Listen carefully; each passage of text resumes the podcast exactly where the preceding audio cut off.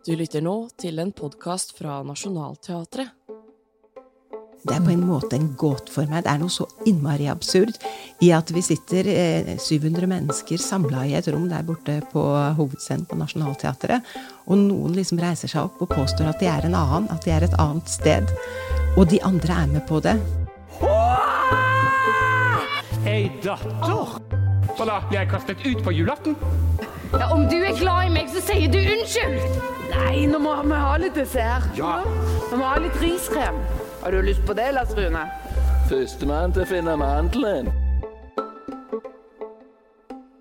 Om du har lyttet til podkasten vår før, så veit du at det er dramaturgen som er teaterprogrammets orakel og faste rådgiver her, som kan gi oss noen knagger og hekte det vi har opplevd eller skal oppleve i teateret på. Men denne gangen har vi invitert inn en spesialgjest her i teaterprogrammet, nemlig en regissør som vi har vært så heldige å få oppleve mange forestillinger av på Nationaltheatret de siste åra. Hun satte sist opp Reform 97, Full spredning kan jeg også nevne, altså nå da, Julemiddag. Og det er denne forestillingen vi skal snakke sammen om i dag. Og det er jo selvsagt deg, Tyra Tønnesen, jeg snakker om. Velkommen hit til teaterprogrammet. Takk. Du er regissør, men for forestillingen Julemiddag så er du også dramatiker. Det stemmer ikke det? Jo, vi må vel kunne si det. Mm. Eh, dette er opprinnelig et stykke jeg skrev til en klasse på Teaterhøgskolen i 2011. Vi skulle arbeide med grunnleggende skuespillferdigheter, og det var ni elever. Og det er jo ofte sånn i den ferdige dramatikken at det er én hovedrolle, og så er det andre som ikke har like interessante oppgaver, selv om alle roller er selvfølgelig store roller i teatret. Det finnes, Finnes ikke ingen små roller, små bare roller. små skuespillere, det vet vi. det vet Men likevel, når en har ni studenter, og noen og av ulike kjønn osv., så, videre, så prøvde jeg å lage et stykke hvor alle skulle ha mulighet for å utvikle seg. Så julemiddag blei tid på skolebenken, da, om man kan si det sånn. Du tok alle disse rollene, satte de sammen til å møtes i et teaterstykke. Ja, det er riktig. Og når det gjelder hvilke ting de skulle øve seg på, da, så er det annet et begrep som heter omstendigheter. Altså vi har et begrep som heter kjerne. Hvem er eh, karakteren?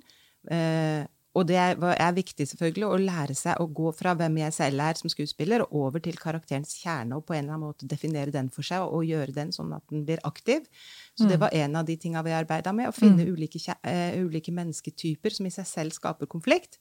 Men så er det også det som heter omstendigheter, hvilke ytre ting påvirker oss. Og hvis en skal være veldig eh, sånn skoleaktig, så har vi da omstendigheter i den lille sirkel. Det er det som påvirker oss her inne akkurat nå. Hvilken temperatur som er her, hva slags lys som er her, eh, at du smiler til meg. Dette er en omstendighet. At jeg har servert vann til deg. Deilig vann i glasset. Og kaffe. Ja. Ja, det er én omstendighet. Det er den neste- lille sirkelen, ja. Og så er det den mellomstore sirkelen. Det er mer vårt forhold generelt oss imellom. At vi begge er ansatt på dette teatret, at vi har denne forestillingen vi skal snakke om. Og... Eller andre omstendigheter, sånn 'jeg er gift med deg', eller 'vi ble skilt', eller øh, sånne type ting. Er det Riktig. ja. Det er i den mellomstore sirkelen. Og ting som har skjedd eh, før, eller ting vi Ja. Og så er det det som heter den store sirkelen, omstendigheter i den store sirkelen. Og det er altså hele den verdenen vi lever i. Det er eh, eh, politiske forhold, det er f.eks. kvinnens stilling, det er Mm. Samfunnet, alt som skjer i samfunnet. Ja. Hvordan påvirker det inn i den enkelte situasjonen på scenen? Og hvordan vil f.eks. store historiske endringer slå inn på en families julebord? Og det ser vi i julemiddag. Og så satte du alle disse karakterene rundt et bord. Eh, Og da lurer jeg på, hvorfor valgte du et middagsbord?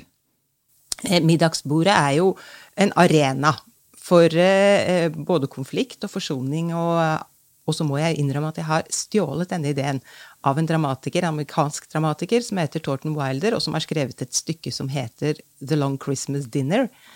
Det handler om en amerikansk familie på 1800-tallet, så det er ingen karakterer eller situasjoner fra det stykket. Men selve grunnsituasjonen da, med denne familien som sitter så lenge rundt julebordet, har jeg da tatt fra det stykket. Ja, for karakterene er jo ikke fra hans stykke. De har jo dere utvikla med egen research, eh, inspirert av ditt eget og studentenes slektstre, kan man si, da. Absolutt. Sånn at vi har brukt våre egne historier, både egne juleminner og eh, ting vi har hørt fra vår egen familie eller vennekrets. Men det har også vært veldig viktig for meg å bruke, eller jeg tvang elevene til å lese Statistisk årbok, en glimrende bok som jeg har et tett forhold til, og som jeg syns alle burde kose seg med hvert år. Fordi det var interessant for oss å prøve å finne ut hvem er den typiske 50-tallsmannen hvem er den typiske 20-tallskvinnen? Altså, ofte så handler jo teatret om den utypiske mennesket. Mens vi har gått motsatt vei, da, og rett og slett både brukt statistisk ordbok for å finne navn og andre ting til karakterene, men òg liksom ønska å finne hva var det alminnelige, og ikke det ualminnelige i hver av disse epokene. Og Det er sikkert derfor mange kjenner seg igjen i julemiddag, for det er virkelig mange ting å kjenne igjen, også historisk. Forestillingen skjer jo på julaften og flytter seg fremover ti år av gangen, stadig på julaften, helt til vi kommer til vår tid og vår jul. Overgangen mellom to tiår, de bare skjer. Ikke noe stort sceneskifte. Fra ett sekund til et annet, vips, alle er blitt ti år eldre.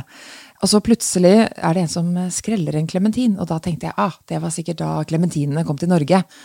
Ja, nesten. Altså, nå følger også denne forestillingen eh, dramaturgien til et måltid. Sånn at det begynner med hovedretten, torsken, som blir servert to ganger.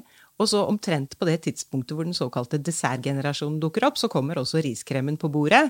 Og etter det er det frukt, og så er det godteri til slutt. Så jeg tror nok kanskje at klementinen kommer litt seinere inn i vår forestilling enn den kom inn i Norge, men det er ikke så langt unna. Forestillingen starter helt tilbake til 1918. Dette er første jula etter første verdenskrig. Det er heftig omstendighet å starte der, da. Ja, det er det. Og egentlig så eh, blei det jo hevda at eh, første verdenskrig slutta litt av spanskesyken også, at soldatene rett og slett blei så syke. Og da vi satte opp dette for to år siden og hadde pandemi, så var jo plutselig det noe som vi tok inn i starten der, at de hadde måttet gå med maske på båten, og at eh, spanskesyken faktisk ekte eh, tok livet av den som skulle overta Bjellands hermetikk, da, Bjellands eldste sønn, døde i spanskesyken. Så det var en omstendighet som vi interesserte oss veldig for for to år siden, for det var jo det da publikum gikk og tenkte på den gangen. Bjellands hermetikk i Stavanger. Bjellands hermetikk i Stavanger, den eldste sønnen der, Ja, døde i spanskesyken akkurat i 1918. Vi skal komme tilbake til Stavanger litt seinere, men først la oss snakke litt eh, om en av karakterene vi møter i starten av forestillingen, nemlig husholdersken Karen. Stakkars, hun, hun frykter denne nymotens komfyren med knotter og elektrisitet. Ja.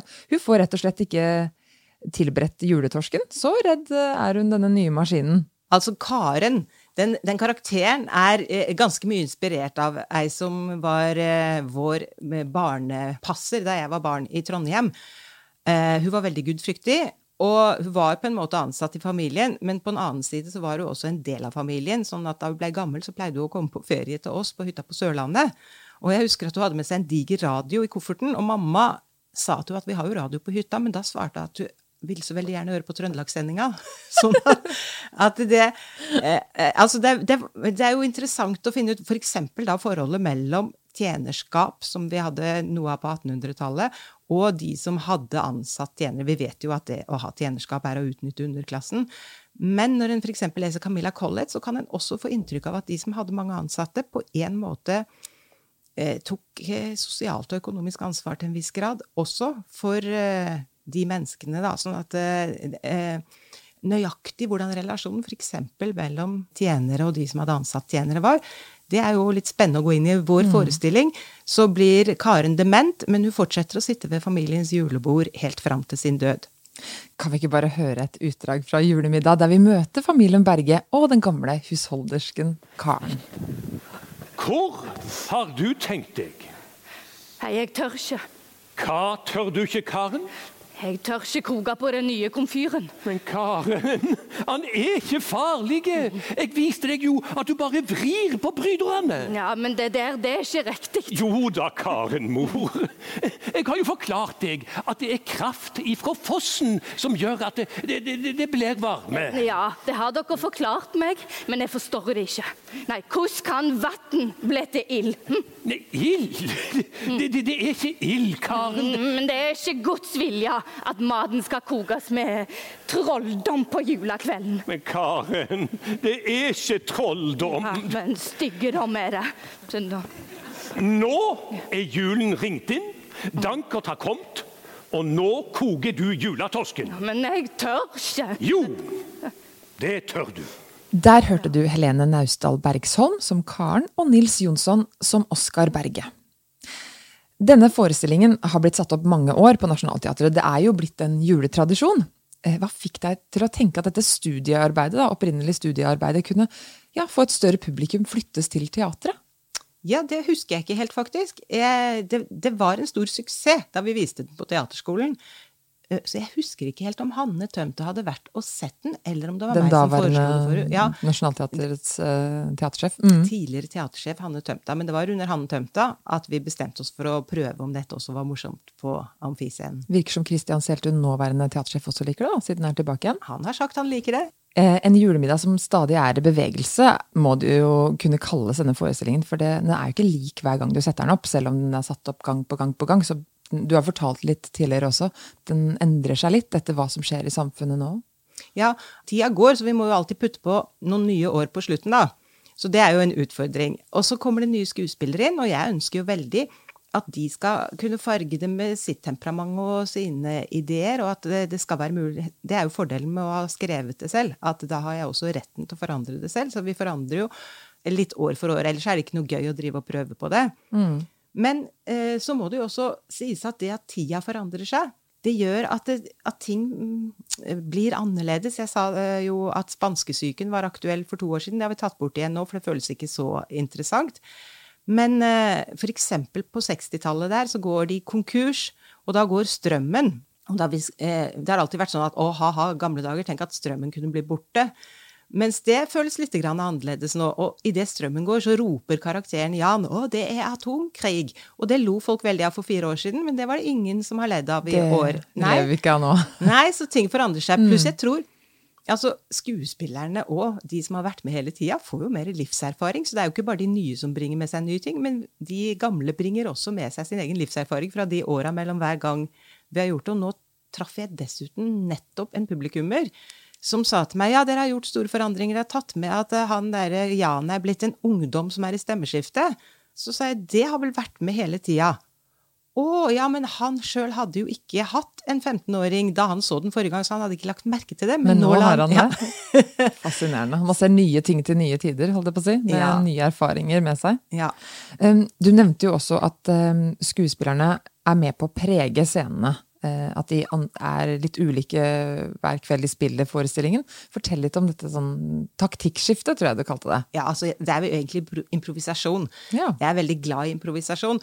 Og idealet mitt er at skuespillerne skal kjenne konfliktene så godt at de kan bruke litt ulike taktikker hver kveld for å påvirke hverandre. Også etter at forestillingen er ferdig, så vil jeg at den skal forandre seg.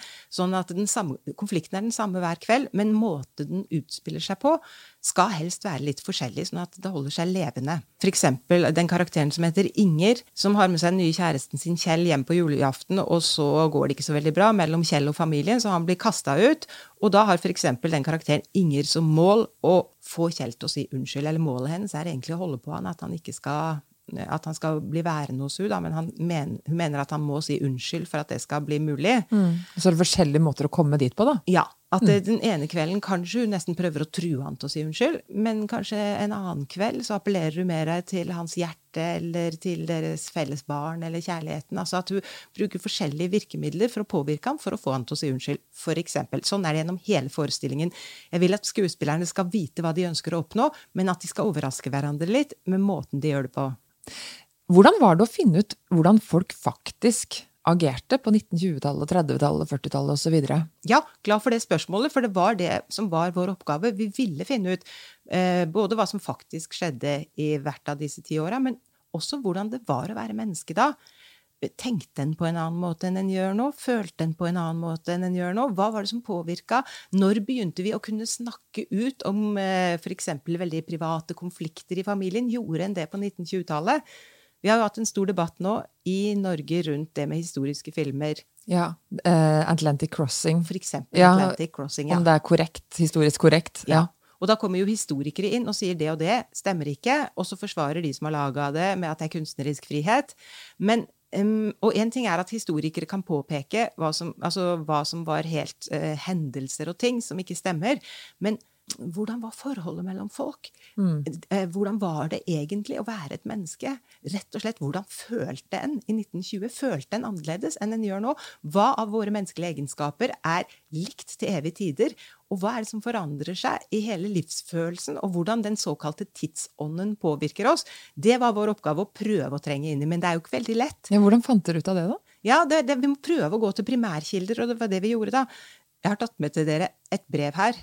Ja, et Eh, ekte brev. et ekte brev som vi brukte. Eh, som er skrevet av min oldemor, eh, bestemor i Stranda, som pappa kalte henne, til min farfar, som var fisker på Doggerbank da første verdenskrig brøt ut. Oi, heftig. Ja, her skriver hun da. Kjære Børn. Det er fryktelige tider vi er kommet opp i siden dere gikk, da nesten hele Europa er i krigstilstand.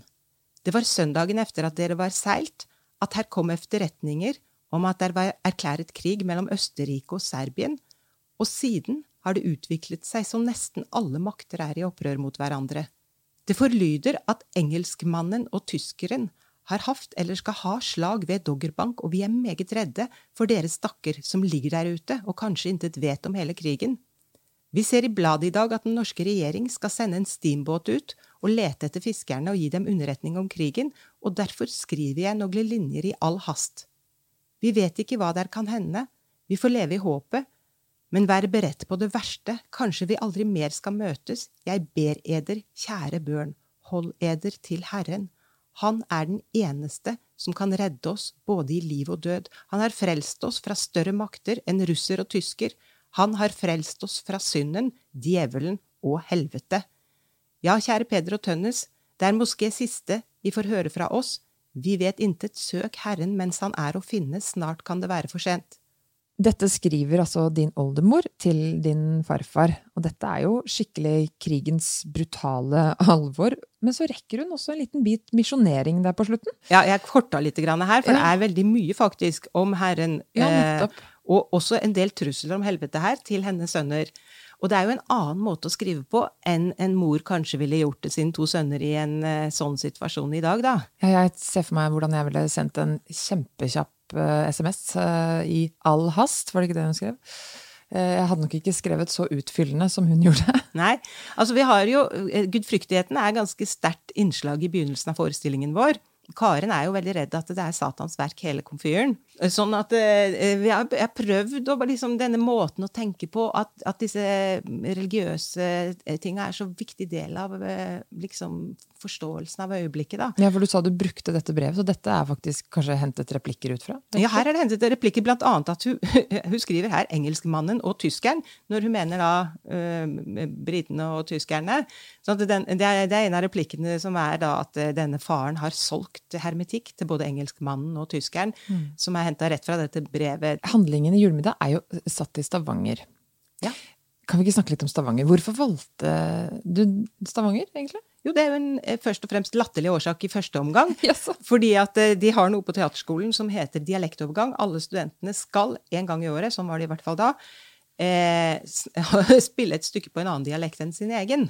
Ja, Og det snubler en jo ofte litt opp i når en skal sette ting der, for plutselig er litt sånn rart at det kommer alle de eh, umotiverte dialektene. Så jeg tenkte nå skal jeg lage et stykke hvor det er en god grunn til å snakke eh, den dialekten de har valgt seg. Og så viste det seg at halve klassen hadde valgt Stavanger-dialekt, og derfor la, la vi da stykket til Stavanger. Så sånn begynte det. Men det viste seg jo da, da vi begynte å gå inn i Stavangers historie, vi dro på research og var på Hermetikkmuseet osv., at Stavanger har en veldig skjerpa historie.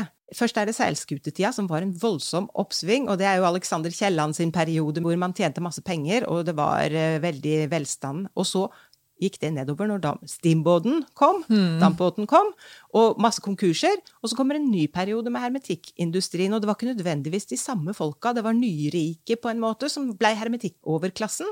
Og så gikk de konkurs igjen med kjøleskap og fryseren, og så kommer jo oljealderen. Sånn at det det er tre store bølger i løpet av den siste perioden i Stavanger med oppturer og nedturer, som gjør at det er masse dramatikk der. Og dette kan man lese mer om på nettsiden vår også, for øvrig, om Stavangers dramatiske utvikling. Denne dialektovergangen til stavangerdialekt, er den like lett for alle skuespillere? Den er ikke like lett for alle. Det er nesten som med musikk. Noen er musikalske, og andre er ikke.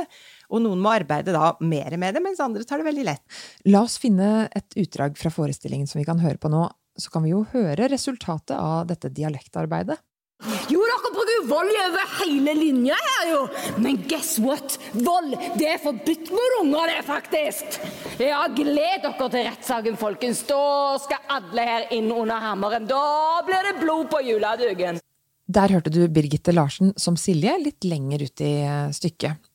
Jeg møtte Tyra en i billettluka som skulle kjøpe billetter til eh, julemiddag for tredje gang. Og han sa til meg at han aldri hadde vært så trist og lattermild på en og samme gang som da han så Julemiddag.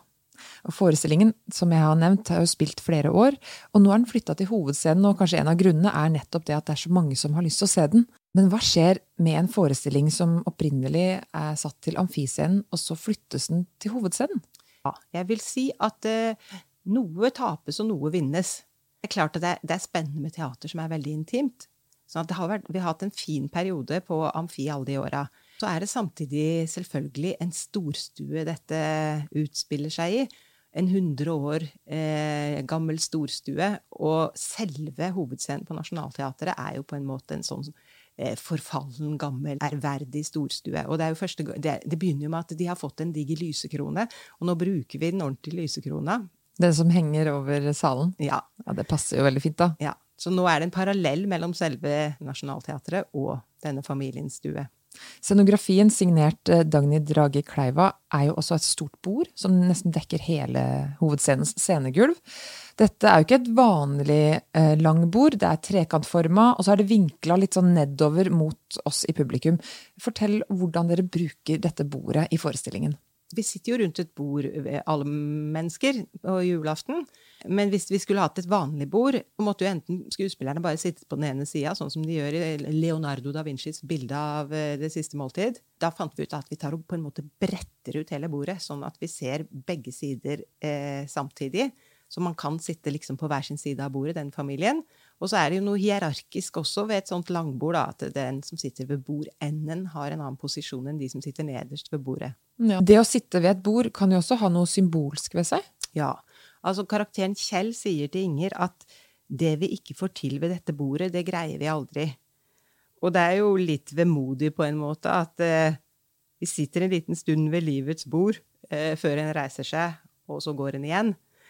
Og eh, det symbolske ved bordet er jo også litt at det er akkurat det denne familien får til med hverandre. Alt, alt det de opplever rundt dette bordet. Det er ikke noe mer enn det, og så plutselig kanskje er det slutt. Hmm. Det er et par andre viktige elementer i scenografien. Bak bordet så er det to store døråpninger. En til venstre og en til høyre. Fortell litt om det. Ja, nå er jeg redd for å spoile litt da, for publikum. Men uh, man kommer inn den ene døra, og etter en stund så forsvinner man ut den andre. Og bak begge dørene er det et stort mørke, så vi aner ikke helt hvor man kommer fra, og hva man går til. Og det oppleves veldig sterkt når lyset går opp på høyre side og så veit du at det er eh, antakeligvis en av karakterenes eh, tid som er forbi. Og alle de andre karakterene ser litt sånn andektige ut, ser til den døende. Eh, ja, hvordan eh, tolker du denne døden, da? Eller er det det det er bak dette mørket du beskriver? Ja, men vi har egentlig prøvd å holde på at det skal være ganske gåtefullt hva de går til, og det vet vi jo ikke. Så vi har tatt oss en liten frihet der med at det er én karakter som har en liten replikk etter at han har gått gjennom døra. Ja, den traff meg da han roper etter sin avdøde kone idet han forsvinner inn i mørket. Men Tyra, helt avslutningsvis så har jeg lyst til å snakke litt om eh, slutten av forestillingen.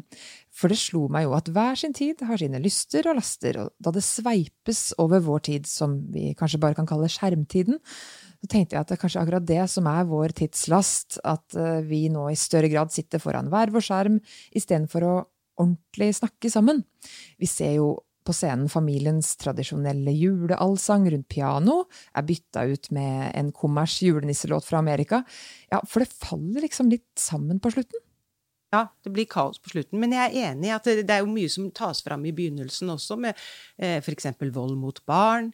Kvinner har eh, ikke eh, samme medbestemmelsesrett som menn. Altså, det er jo veldig mye som er blitt bedre, og så kan en jo diskutere om det er ting som også har blitt verre. Mm. Mot slutten der skjer det jo noe vakkert i alt det kaoset. Eh, ingen er jo hjemme, det er mørkt i huset, det er kaldt, middagen er kald. Allikevel, to karakterer setter seg ned sammen. Fortell litt om dette møtet mellom ja, det er, er, det gamle farmor Synnøve og barnebarnet Jan? Ja. Mm ja, jeg tror Hver må få oppleve det og tolke det som de vil. Mm. Men jeg tror kanskje for min egen del at det innimellom det egentlige offisielle programmet i jula, det vi egentlig skal gjøre, det alle er enige om, så kanskje det finnes noen sånne små uventa lommer av noe som ikke var planlagt, noe som ikke var tenkt, og at det kanskje akkurat er inni de små lommene at det er aller mest godt og varmt. La oss høre et utdrag fra akkurat denne delen av forestillingen. Vi hører Kim Falk som Jan, og Mariann Hole som Synnøve. Du, er det eh, ledig der eh, ved din side? Ja, sett deg der. Takk, Ja. takk. Skål, Jan. Skål, tante. Å, du Jan. Du har ikke tenkt å skaffe deg en egen familie, da? Familien min sitter jo her. Ja, Det var dårlig fangst på livets jakt. Sier ikke det. Tante-nevø-relasjonen er undervurderte. Du lurer ikke meg, din nisse. Nei. Men jeg er Jeg er glad i deg. Det har jeg alltid vært. Det må være fordi jeg var den eneste som likte jazz. Nei, slutt. Tyra, hvilke juleminner bærer du med deg fra barndommen din? Ja, jeg er glad du spør om det, for egentlig hovedprosessen i forestillingen ligner også en del på min egen utvikling av forholdet til jula. Da jeg var en sånn fem-seks år, så var min bestefar prest i Oddernes kirke utenfor Kristiansand, som er ei kirke fra 1100-tallet, og til den hørte det også en diger prestegård. Det å komme på prestegården, og bestefar åpner dobbeltdørene inn til det enorme juletreet, og det var fakler hele veien fra prestegården og over til kirka, der bestefar holdt julegudstjeneste, hele slekta bodde sammen på prestegården, og det var sånn at på det soverommet vi fikk, så kunne en gå inn i skapet, og så kunne en gå, komme ut av skapet igjen på det soverommet der de store, spennende søskenbarna mine bodde. Det høres ut som eh, Narnia. et Løven, heksa, klesskapet. Ja. Et sånt eventyr, den prestegårdsjula. Det er også et minne fra prestegården som har hatt en viss betydning for meg som regissør. For den minste søstera mi altså, En kunne også gå inn i et annet skap og komme ut eh, på loftet over eh, låven på prestegården. Altså, du var i Narnia. Altså, det er C.S. Lewis. Det var, var helt utrolig, de skapa. Høres sånn ut. Ja, eller en slags små dører. Jo, men du kom inn i en sånn mellom, merkelig mellomgang hvor det hang klær og sånt noe, da, og så kom du ut et annet sted. Fantastisk for et barn. Men min lille søster hadde da altså tatt og kokt sammen en tvilsom grøt av masse gjær og greier, og satt ut på loftet på låven til nissen. Og så gikk vi inn i skapet da for å se om nissen var der, og inni i et mørkt hjørne så satt faktisk da nissen og spiste den derre grøten. Og jeg var jo litt eldre, så jeg skjønte med en gang at det var mamma, for hun hadde bare tatt på seg anorakk og topplue, og ikke noe mer, ikke skjegg, ikke maske, ingenting. Men min lille søster klarte ikke å se at det var mamma, enda det var helt tydelig mammas ansikt, for i hennes hode så var dette nissen. Og det er jo på en måte litt det samme prinsippet vi bruker i julemiddag, med at en voksen dame i høye hæler og kjole påstår at du er en baby, og da sitter hele salen og godtar det, eller de fleste i hvert fall. Sånn at eh, fantasiens medskapning, tilskuerens medskapning i teatret, har alltid interessert meg og gleda meg veldig, og jeg har prøvd å bruke det for alt det er verdt. Til slutt, Tyra, og siden vi har pynta oss så eh, høytidelig her til jul, hva tror du teater kan gjøre med oss mennesker? Åh, jeg lurer alltid på det. Det er på en måte en gåte for meg. Det er noe så innmari absurd i at vi sitter eh, 700 mennesker samla i et rom der borte på hovedscenen på Nationaltheatret, og noen liksom reiser seg opp og påstår at de er en annen, at de er et annet sted. Og de andre er med på det. Egentlig, særlig når det gjelder julemiddag, så har jeg alltid lyst til en sånn der tankeskanner. For jeg føler at eh, publikum sitter og følger med på det stykket vi lager, men samtidig så spiller det en film i hvert eneste hode med deres egne familiers hjuler juler og deres egne assosiasjoner og minner og drømmer som går parallelt med forestillingen. Men at det samspillet mellom publikums fantasi og den leken vi utfører sammen på teatret, den er eh, gåtefull og veldig spennende for meg. Tusen takk, Tyra, for eh, kloke ord, og for at du kom hit til eh, teaterprogrammet og besøkte podkasten vår. Takk. Du ga oss masse å grunne på til eh, forestillingen Julemiddag, men også sånn generelt, nå som nettene snart blir lange, om hvordan man feirer jul, og hva som egentlig betyr noe. Og til deg som hører på, og som ikke ennå har sett Julemiddag, så spiller den på hovedscenen vår helt frem til nyttår. Takk for at du hørte på teaterprogrammet. Husk å trykke abonner der du hører på podkast, for da dukker nemlig neste episode av teaterprogrammet automatisk opp når den ligger klar. Mitt navn er Gunhild Aarbrot Kilde. Bak spakene sitter Oda Tømte. Send oss veldig gjerne en e-post om du har noen tanker om hva vi kan snakke om i podkasten vår. Send til teaterprogrammet alfakrøll nasjonalteatret.no. Og da gjenstår det vel egentlig bare å si god jul.